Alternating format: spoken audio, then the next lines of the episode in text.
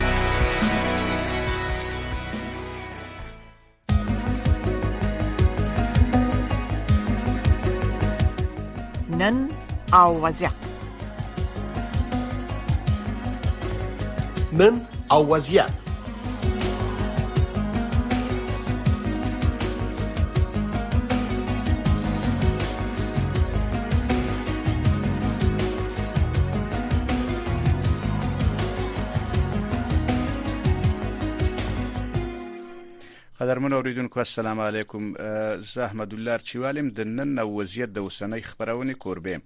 د تیرې میاشتې په نهمه د پاکستان د مخکینی لومړي وزیر عمران خان د نیول کېدو لامل د پاکستان په بیلابیلو سیمو کې د نوموړي قهرجنو ملاتړو مظاهره وکړي د دغه مظاهرو لامل نوموړي او نوموړي او د نوموړي ډیر ملګري ونیول شول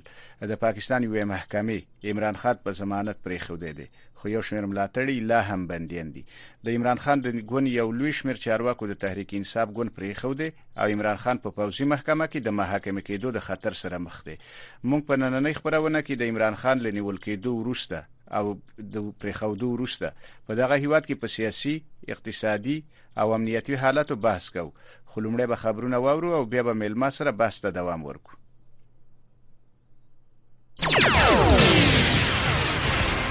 السلام علیکم درنو ریدونکو ستړي مشي زه زیبا خادم یم دا د امریکا غږ آشنا رادیو خبرونه ده د نړۍ د دې ساعت خبرونو ته ستاسو پام را اړوم د ملګرو ملتونو د امنیت شورا د افغانستان په حق له غونډه کوي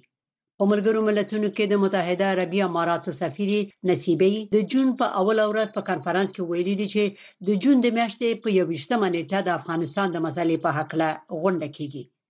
نصیبي ویلي دي چې امارات به د امنیت د شورا د غړي او دوري رئیس په توګه هڅه وکړي چې د افغانستان په حق له د هوادونو همغږي لا پیاوړې شي دا نه ده څرګنده شوې چې په دې غونډه کې به دقیقاً په کومو مسلو خبرې وشي، خو ممکن د ښځو او نجونو په مسایلو، د طالبانو په محدودیتونو، بشري بحران او نورو مسلو خبرې وشي.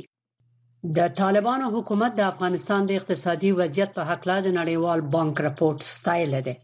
د نړیوال بانک راپور چې د سې شنبه په ورځ خپور شوی وایي د 2022م کال د جولای په میاشت کې په دغه هیواد کې انفلیسیون 13.3% وو خو له هغه وخت نه تر اوسه پورې مخ په کمیدو دی د نړیوال بانک د راپورټ لمخې په 2023م کال کې انفلیسیون لا ټیټ شوی دی د مارچ په میاشت کې 1.49% ته راټیټ شوی دی د طالبانو د حکومت د رئیس الوزرا د اقتصادي چارو مرستيال ملا عبدالغني برادر د نړیوال بانک رپورت د افغانستان د اقتصاد حقيقي انزور بللی او ویلي دي چې د دوی حکومت کلک باور لري چې د نړیوال ټولنې مثبت تعامل د افغانستان په اقتصادي پرمختګ کې د پام وړ ونډه درلودلی شي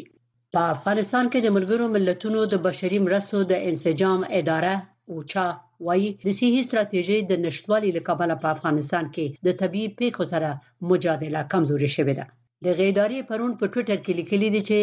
د درې لسیزې جګړې نه علاوه سیلابونو او نورو طبيعي پیښو د افغانانو ژوند خراب کړی دی په دې وروستیو ورځو کې د لغمان، پکتیکا، غور او دایکندي په شمول د افغانستان پر لسو ولایتونو کې د سیلابونو له امله 14 تنه مړه او اته تنه نور ژوبل شوي دي په افغانستان کې د جون د میاشتې په اوله د پولیو یو بل پیښه ثبت شوې ده په دې روان میلادي کال کې دا د ګوزن یا پولیو څلورمه پیښه ده د ایران د بهرنیو چارو وزیر امیر عبداللهیان ویلي دي چې ځانګړی استازی د اوبو د حق په مسلې د طالبانو سره غږیدلی دی خارجه وزیر عبداللهیان ویلي دي په دې مسلې د افغانستان لپاره د ایران د ځانګړي استازي حسن کاظمي قومي او د طالبانو د بهرنیو چارو د وزیر امیر خان متقي غونډه ګټوره وه د افغانستان سیمه او نړۍ خبرونه د امریکا غږ د استودیو نه اوري د امریکا د مالیې وزارت د سپای پاسداران په څو غړو بندیز لګولې ده د خبر تفصیل ته اساس پام را اړوم د امریکا د متحده ایالاتو د مالیې وزارت د پنځشنبې په ورځ په یو لړ تروریستي توطیو کې د لاس لرلو له کبله د ایران د سپای پاسداران په پنځو غړو او د ایران د قدس د قواو په یو سازمان بندیز ولګاوه. د امریکې د مالیې وزارت د خارجه شتمنیو د کنټرول ادارې په دې کسانو او دغه سازمان تور پورې کړی چې د متحده ایالاتو د مخکنیو مقاماتو امریکایي اتباعو دوه تابعیت لرونکو وګړو او د ایران د مخالفانو د وژلو په پلان کې لاس لرو. د ترهګرۍ په ضد د مالي اطلاعاتو د چارو لپاره د متحده ایالاتو د مالیې د وزارت معاون براین نیلسن ټینګار کړی چې دوی به د سپاه پاسداران او د قدس د قواو د اقداماتو شنډولو او افشا کولو ته هم نوره ادامه ورکړي. مطیع الله عابد امریکا غږ اشنا راډیو د استرالیا یوې محکمې د جون په اوله د جوزا د میاشتې په یولسمه حکم کړی دی چې د دې ملک د خاصو قواو په خوانی عسكر بن رابرت سمیت د پوځي ماموریت په وخت کې په افغانستان کې په غیر قانوني توګه افغان بندیان وژلي او نور جنگي جنایتونه کړي دي د استرالیا د فدرالي محکمې قاضي انټوني بسانکو حکم کړی دی چې د رابرت سمیت د زونو جنگي جنایتونو په حق له په 2013 کال کې په ورځپاڼو کې خبري شوی رپورټونه ریښتیا وو د استرالیا ورځپاڼو د سمیت په حق له د نورو عسکرو له قوله تحقیقاتي رپورټونه خبري کړی وو چې نو مړي په افغانستان کې د ماموریت په وخت کې د شپږو افغانانو په قتل کې لاس درلوده د امریکا غږ آشنا رادیو نه د سیمې او نړۍ خبرونه اوري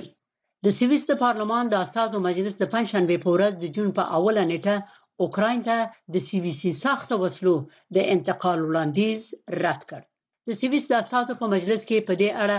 اته نوي موافقې او 15 اویا مخالفې رأی ورکړل شوې او د دې کار مخه ونیول شوه د استادو په مجلس کې د خلکو د ګوند رئیس ژان لوک ویلي دي چې د وسلو انتقال د سویس د ناپیلتوب پالیسۍ ته زیان رسوي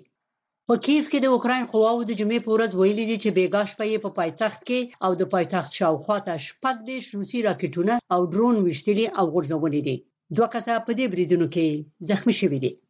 د امریکا د متحده ایالاتو د سنا مجلس د جون په لومړۍ نېټه د امریکا د پورونو زیاتوالی په درې شپېته موافقو او شپږ دېرشو مخالفو رایو تصویب کړی دی. داسې څرګندېږي چې یو سناتور دې پلان ته ری نه ده ورکړې. د امریکا د استازو خونې مخکې د امریکا د پورونو د زیاتوالو پلان تصویب کړی وو اوس د متحده ایالاتو د کانګرس دا اقدام د امریکا حکومت ته د دې توان ورکوي چې خپل لګښتونه په وخت تازه کړي جمهور رئیس جو بایدن چې د خپل هواد د پورونو د حد د زیاتوالي ملاتړ کاوه د کانګرس دغه اقدام وسایه او مننه وکړه او وی ویل ډیر زر به دغه طرح لاسلیک کړي چې د قانون حیثیت غوړه کړي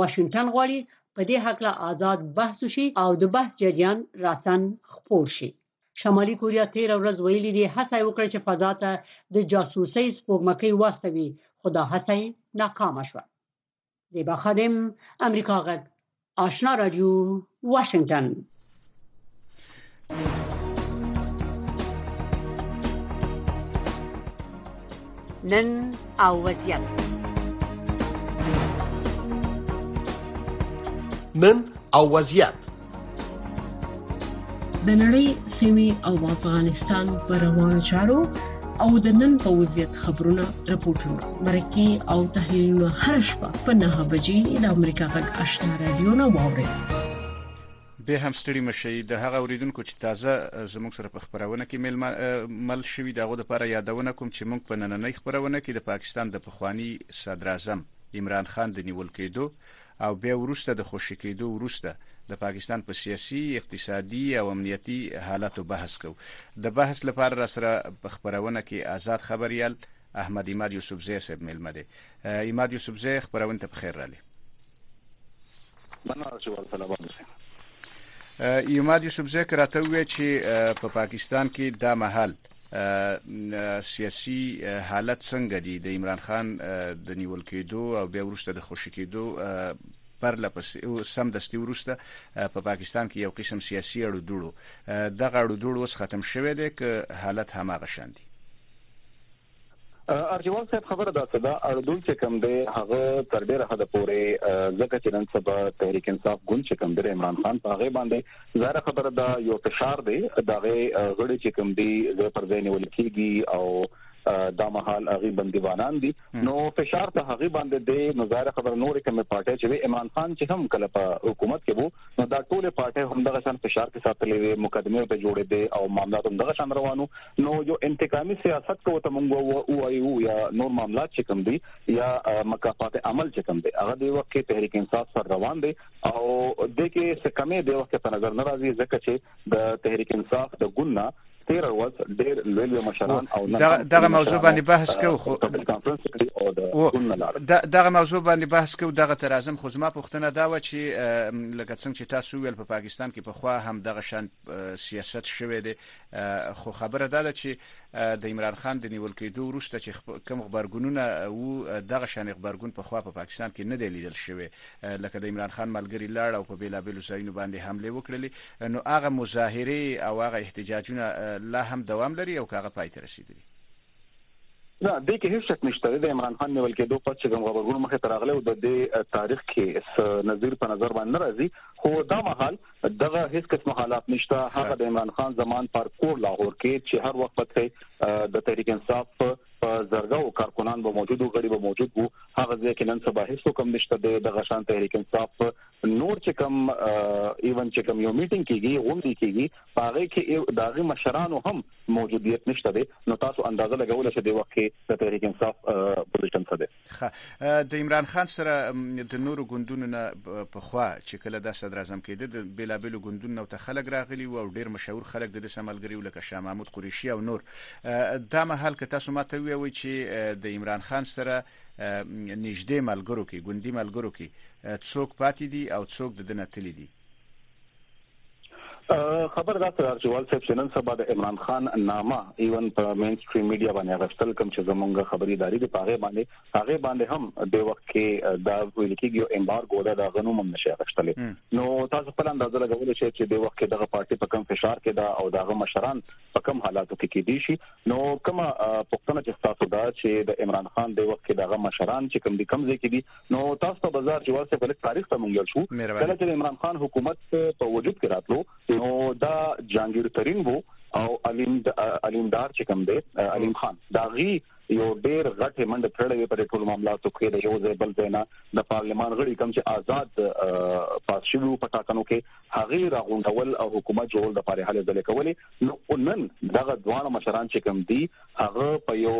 بل حیثیت کې ناست دي او هغه د وخت کې دا هڅه کوي چې عمران خان د ګوند هغه کسان کم چې الیکټیبل دي کم چې د هغه خاندانی او التکه په خپل علاقو کې یو زور دی یو سیاسي طاقت دی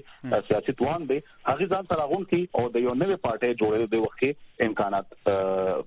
کوي دي مخکې د سیوادي اوازې وی چې د عمران خان د ګوند څخه د پاسه سل لوړ پوړي غړي ځینو د سیاست نه استعفا ورکړې ده او ځینې په نورو ګوندونو کې شامل شوي دي. دغه غړي چې په نورو ګوندونو کې شامل شوي دا کومو ګوندونو ته تلي؟ داسې ده چې وال صاحب تر اوسه پورې څه واضحه دغه نشته دی د وخت کې چې کوم د تحریک انصاف مشران کوم پریس کانفرنس کې یا خبري غونډه کوي هغه یا خداوي چې مونږ سیاست نه ځان د سو اکثر لپاره ګلو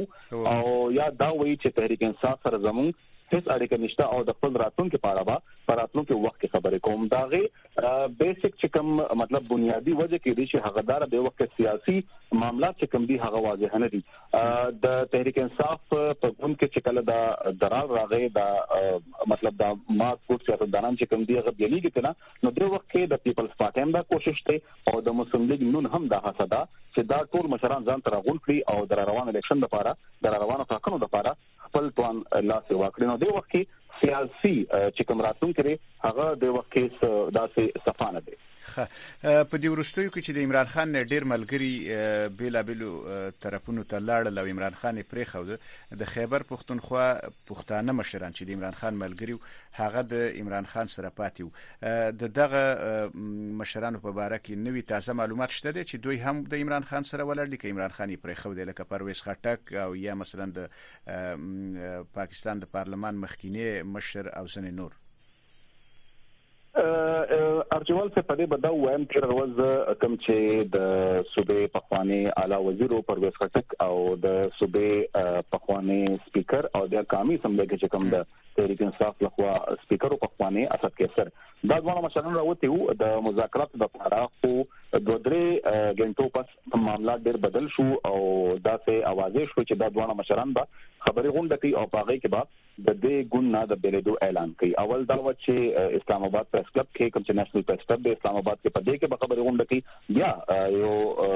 ډیر منټه پس دا خبر رالو چې د جی 6 اف 6 یو کور کې به دی خبری غونډه کوي نو معاملات ډیر عجیبه غونته کې تحریک انصاف کم مشرم چې راځي هغه چې درې څلور غنټې تیریږي منظر عام ته چرآ شي درې څلور غنټې پس خبری غونډه شي او هغه د پاټې نه د لارې بلولو غږ کوي نو په دې حالاتو کې کتا ستاسو دا وایم چې تحریک انصاف باندې چې فشار دی یا پټ یا ښکار دی هغه دا څه چې تحریک انصاف د وخت سټانډینګ پوزیشن کې نه ده او یو مشر دی مراد سید مراد سید کوم چې پخوانی وزیرم دی د وفاقي وزیر دی د تحریک انصاف هغه دې وخت کې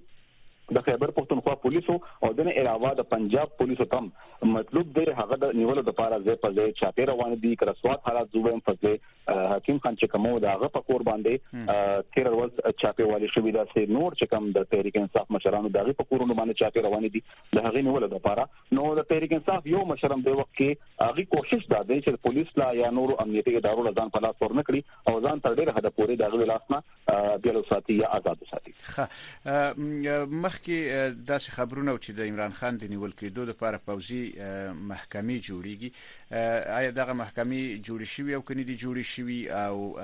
د دې څومره امکان دی چې عمران خان په دغه پوزي محکمو کې محاکمه شي ارچوال صاحب په دې باندې تیر چې کله مون خبرې کولې هغه ټایم هم مون په دې باندې خبرې کړې وي هغه هغه ټایم خبر دا وو چې ځنی د تحریک انصاف غړي چې کوم دی هغه فوجي مقدمو د پاره عسکري ادارو ته وسپارل شول خو تر دې دمه په دغه باندې هیڅ قسمه مقدمه شروع شوې نه دي دا یو باقاعده اعلان کیږي او د دې مقدمه چې کوم دی فوجي عدالتونو ته وزي دا یو لوی پروسس دی هغه نه به تیریږي د اپیل حق هم په دغه اداره کې چې کوم یو لوړپوړي چارواکي هغه سره د عدالتونو حواله سره تر دې دمه سم دي ویل شوی چې آیا هغه ته په سیول عدالتونو کې بیا د اپیل حق وي او کنه وي خو تر کومه پورې تاسو چې د عدالتونو جوړېدو خبرو کړه عدالتونو حواله سره صرف تر دې دمه چې کوم خبرونه دي هغه دادي چې د تحریک انصاف خیبر پښتونخوا کې په خبر نه خبر راغلی او مردان کې چې هغه کوم حمله کړې و هغه نه ځنی کارکونان چې کوم تحریک انصاف نیول شو د اتلو بارکه دا کوي خبر وو چې هغه دې وخت کې عسکري ادارو ته وسپارل شول، خو تر دې دمه د دغه عدالتونو لا څه کاروايي په نظر نه ده راغلې. ښه د عمران خان یو لوی شمېر یو بل پوښتنه تاسو وکړه عمران خان حواله سره عمران خان باندې تر اوسه پورې سپوزي مقدمه داسې نشته چې هغه به فوزي محکمو ته وسپارل شي هغه د وخت کې د غلا غولتې یعنی کرپشن په معاملو کې په عدالتونو کې د وخت کې خپل پیسې چې کوم دي هغه لزی راځي او یو بل د یو قتل کیس دی دا غي په دغه کې نن حاضری عدالت کې کړي و نو د عمران خان حوالې سره دا خبره کول لا د وخت نه وړاندې خبره ده خو د غلا غولتۍ د کرپشن کیسونه چې کوم دي پای کې د هغې پیسې روانې دي ښه د عمران خان یو لوی شمیر ملاتړي د پاکستان په بیلابیلو سیمو کې په خیبر پښتونخوا او پنجاب کې بندیانو دغه بندیان اوس څنګه دي دا زیات شوي دي او که اوس هم بندیان دي ارجمن صاحب د خیبر پښتونخوا څخه خبر وکم نو د تحریک انصاف په لوي شمېره کې کارکونان نیول شو او نیول شو د غي د آزادولو لپاره نه صرف د تحریک انصاف وکیلان چې کوم هغه میدان کې وو دین علاوه د عوامي نشل پارټي کوم ملګری وکیلانو چې یو دله د حقیم پکې ډیر پروډکټیو کردار ادا کړی دی او دغه کسانې د جیلونو نه راخوشې کولو ضمانتونو لپاره مقدمه کړې وي او دا څه خبرونه لري چې 15 شنواله ډیر شو پورې د تحریک انصاف کارکنان د وخت کې د جیلونو نه په ضمانتونو را بهر شوې دي تیر ورځ یو دا پرمختګ شوی چې های کورټ کې کله مقدمه و نو هغه تری ایم پی او کم چې د امنیت ټینګ ساتلو لپاره یو قانون دی ځنی کسانو باندې پابندۍ ولګي هغه بندیوانان شي یا کور کې هاوس اریسټ شي هغه باندې چې کوم فیصله د های کورټ هغه بالکل کله دم وګرځول چې دا دی وخت کې هیڅ قسمه د دې بنیاد نه جوړیږي چې دا قانون دی وخت کې عملي شي او د تحریک انصاف کارکنان په دې باندې ونیول شي د هغې نه پس یو رڼا پیدا شوې ده یو د تحریک انصاف کارکنانو کې چې ټول به نمبر په نمبر باندې د جیل نمروزي په ضمانتونو باندې په ټوله کې تاسو د عمران خان د ګوند او په خپل د عمران خان راتلونکي څه ډول ګورئ د عمران خان د راتلونکي په اړه باندې څه خبره کول د وخت روان دي خبره ده ځکه چې پاکستان کې د مخکې هم شوې دي کوم د مسلم لیګ نوم د مشر د نواز شریف خبرو کوم چې دا مهال په لندن کې موجود دی هغه وزیر اعظم وو هغه دغه وګرځول شو نه اهل وګرځول شو راو پر ځول شو د هغې نه پس هغه د جیلونو او د مقدمو تمخامخ شو او بیا په د معالجې لپاره علاج لپاره هغه لندن ته مخه وکړه نو ظاهر خبره ده مسلم لیګ نون چې کوم هغه په یو ډیر ښه پوزیشن کې په حکومت کې ناست وو نو سټینګ صدر اعظم چې کوم دی چې هغه را پرځول کېدی شي او د رموسنا په د علاج په نوم باندې بهر کړی شي نو عمران خان د وخت نه په واک اختیار کې دی او نه داسې طاقت لري په ظاهر باندې کوم دوه صوبې چې هغه سره وي د پنجاب حکومت لاس کې وو او د خیبر پښتونخوا حکومت لاس کې وو هغه وته یا جذباتي فیصله وته وایا یا دغه سیاسي دا پیچ وته وایا هغه د دوانو حکومتونه چې کوم دی ختم کړل دا غي نه پس دی وخت هغه سره هیڅ داسې پاکستان کې زینشتا یو ګلګت بلتستان دی هلته تحریک انصاف لګډر موجودیت شته دی خو په کم چې مین پاکستان دی هغه کې د وخت تحریک انصاف حکومت نشته نو څه توان نه لري ک عمران خان پر راتلونکو مقدمو کې کم چرغلا غلطه مقدمه پر روان دي په دې کې نه اهل شي یا راتلونکو وخت په نور څه مقدمه د شي پاغه کې نه اهل شي نو د هغه مستقبل په اړه او راروان الیکشن کې راروانو ټاکنو کې د تحریک انصاف د موجودګۍ او د کارکنانو هغه جوش او جذبه یا د هغې کوم سیاسي داوپېچ چې کومو د هغې په حواله باندې تر دې وخته سویل چې کوم دی هغه د وخته وړاندې خبره شوې ده په پاکستان کې د ستري محکمې او د حکومت ترمنځ هم لانجې روانې وي دغه لانجې کوم تر کومه بریده رسیدلې هغه کې لږ کلارې لیدل شوې دي نن جسټس قاضي فایز عیسی چې کوم دی کوم چې ویل کېدل چې یو دا غ رجان چې کوم دی دا یو مطلب یو دغه کې د پاغه باندې یو تور په لګیدو یا نور خبره ته کېږي چې دا غ رجان لګ چې جسټس سره لګ دا غ جنجالي غونډه کې دی هغه نن بیان ورکړ چې دا سیمس قسمه خبره نشته دی ټول عدالت چې کوم دی هغه په قانون انصاف باندې خبرې کوي او دا تاثیر غلط دی چې په عدالت کې دننه موږ یو بل سره مفتوګریوان یا زموږ څخه جګړه روانې دي د هر مقدمه فیصله چې کومه ده هغه په قانون باندې پکار ده نو زما خیال لې هغه کلارې د وخت عدالتي چې کوم بیانو یا عدالت چې کوم سوموټو اکشن زغشتل خپل امن نوټس غشته هغه کوم کلارې راغلي دي او حکومتي وزیرانو او نور غړو لخوا هم په سترې محکمې باندې د وقې څه قسمه نه تور لګي نه څه الزام لګي نه په ګوته پورته کیږي نو لږ په دې معاملاتو کې کلاري لیدل شوې دي او د نه علاوه سپریم کورټ یو ډېر پروکټیو کردار ادا کو کار عمران خان مقدمه وی یا نور څه معاملاتو هغه کې هم د وقې د سپریم کورټ د خپل اند نوټس اغستو هغه واک اختیار چې کوم دی هغه کې کمې لیدل شوې دي نو دغه د وجې د حکومت او د سترې محکمې په تعلقاتو کې هم لږ سوړواله راغله د مطلب لږ کلارې پکې راغلي دي. ښه په پاکستان کې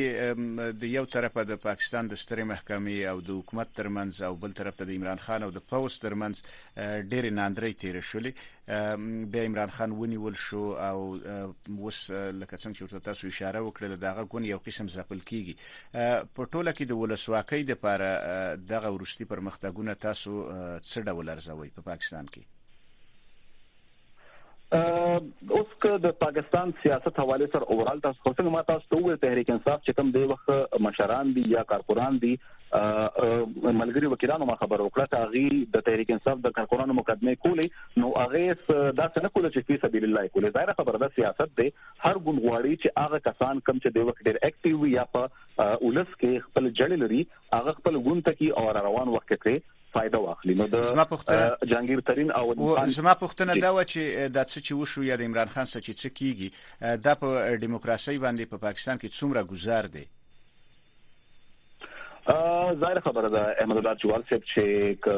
د دیموکراسي لپاره ظاهر خبره ده یو بد خبر دی چې تیر وزیر اعظم دی په هغه باندې د اغلا غلطه چې کوم مقدمه دي اقدام پر شروع شولې دین علاوه په نورو مقدمو کې توفیقانه مقدمه چې کوم دا په ځان لاله پرته ده دین علاوه نور مقدمه هم دی خو سچويشن حالات چې کومه ته په براډر اسپیکټ کې ګورو پر ځای نظر وته ګورو نو حالات کنټرولېبل طریقې سره نه روان ان کنټرولېبل روان دی کله عمران خان د پارټي کارکونانو حمله وکړي هغه رد عمل چې کوم دای غبرغون هغه هم د قانون او دغه چوکاټ لاندې نه وو دغه شانتي ک د ادارو لخوا مونږ دا غي غبرغون ګورون هغه هم داسې دی چې بالکل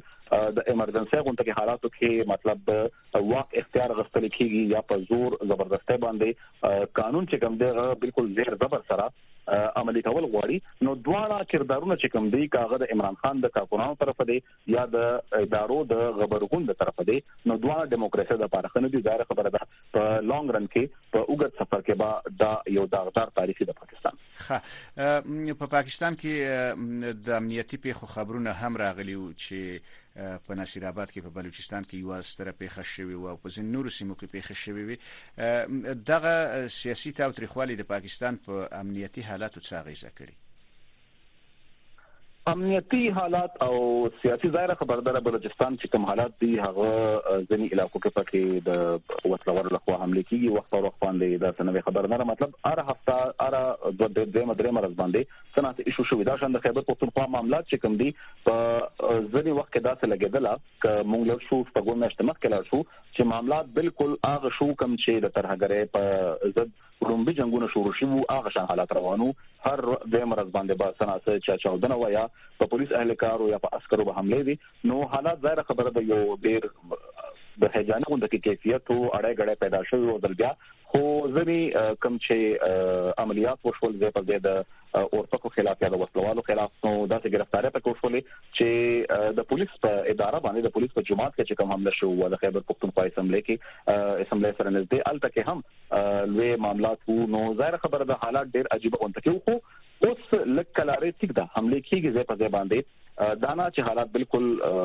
کلارې شوې دي سور شوې دي یا ټول معاملات کنټرول کې دي د کزه خبرو کوم لګه روان دي د کسٹم په اهلکارو باندې حمله شو په خبر متنو سیمه کې تاسو د بلوچستان خبر وکړه د غشان په پولیس باندې وخت پر وخت نور زینونو کې حمله کیږي نو دا معاملات هم روان دي خو سیاسي ګوندونو چې کوم دی د خلکو د وخت کې ګله ده د پاکستان کې په سیاست او نور معاملاتو کې د وخت کې حکومت او چې کوم مخالف ډلې دي هغه داسې یو بل کې ګیر دي چې د عوامو یعنی د اولسو سره هیڅ غم نشته دي او د امنیتي ادارو په سر چې کوم فشار د هغه خپل ځای باندې ښه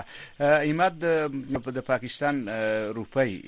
د ډالر په مقابله کې ډیره ښکته تللې او اقتصادي حالت هم په پاکستان کې سخت اقتصادي حالت او د بیلابیلو اجناسو قیمتونه هم پورته تللي اوس اقتصادي حالت څنګه دي؟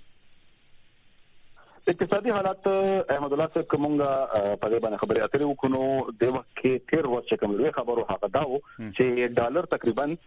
کم چې آزاد برای وای کم چې خبري غونډو ریپورت کړو هغه بیا له سوال څخه پورې کړو چې دا ډالر پریوتلو او آزاد مارکیټ کې دا غنګوسې وي چې ډیر شو پنځه شو نه والا ډیر شو پورې روپو پورې پاکستاني هغه پورې ډالر چې کوم دی هغه مخ په مخ پخکره تللی دی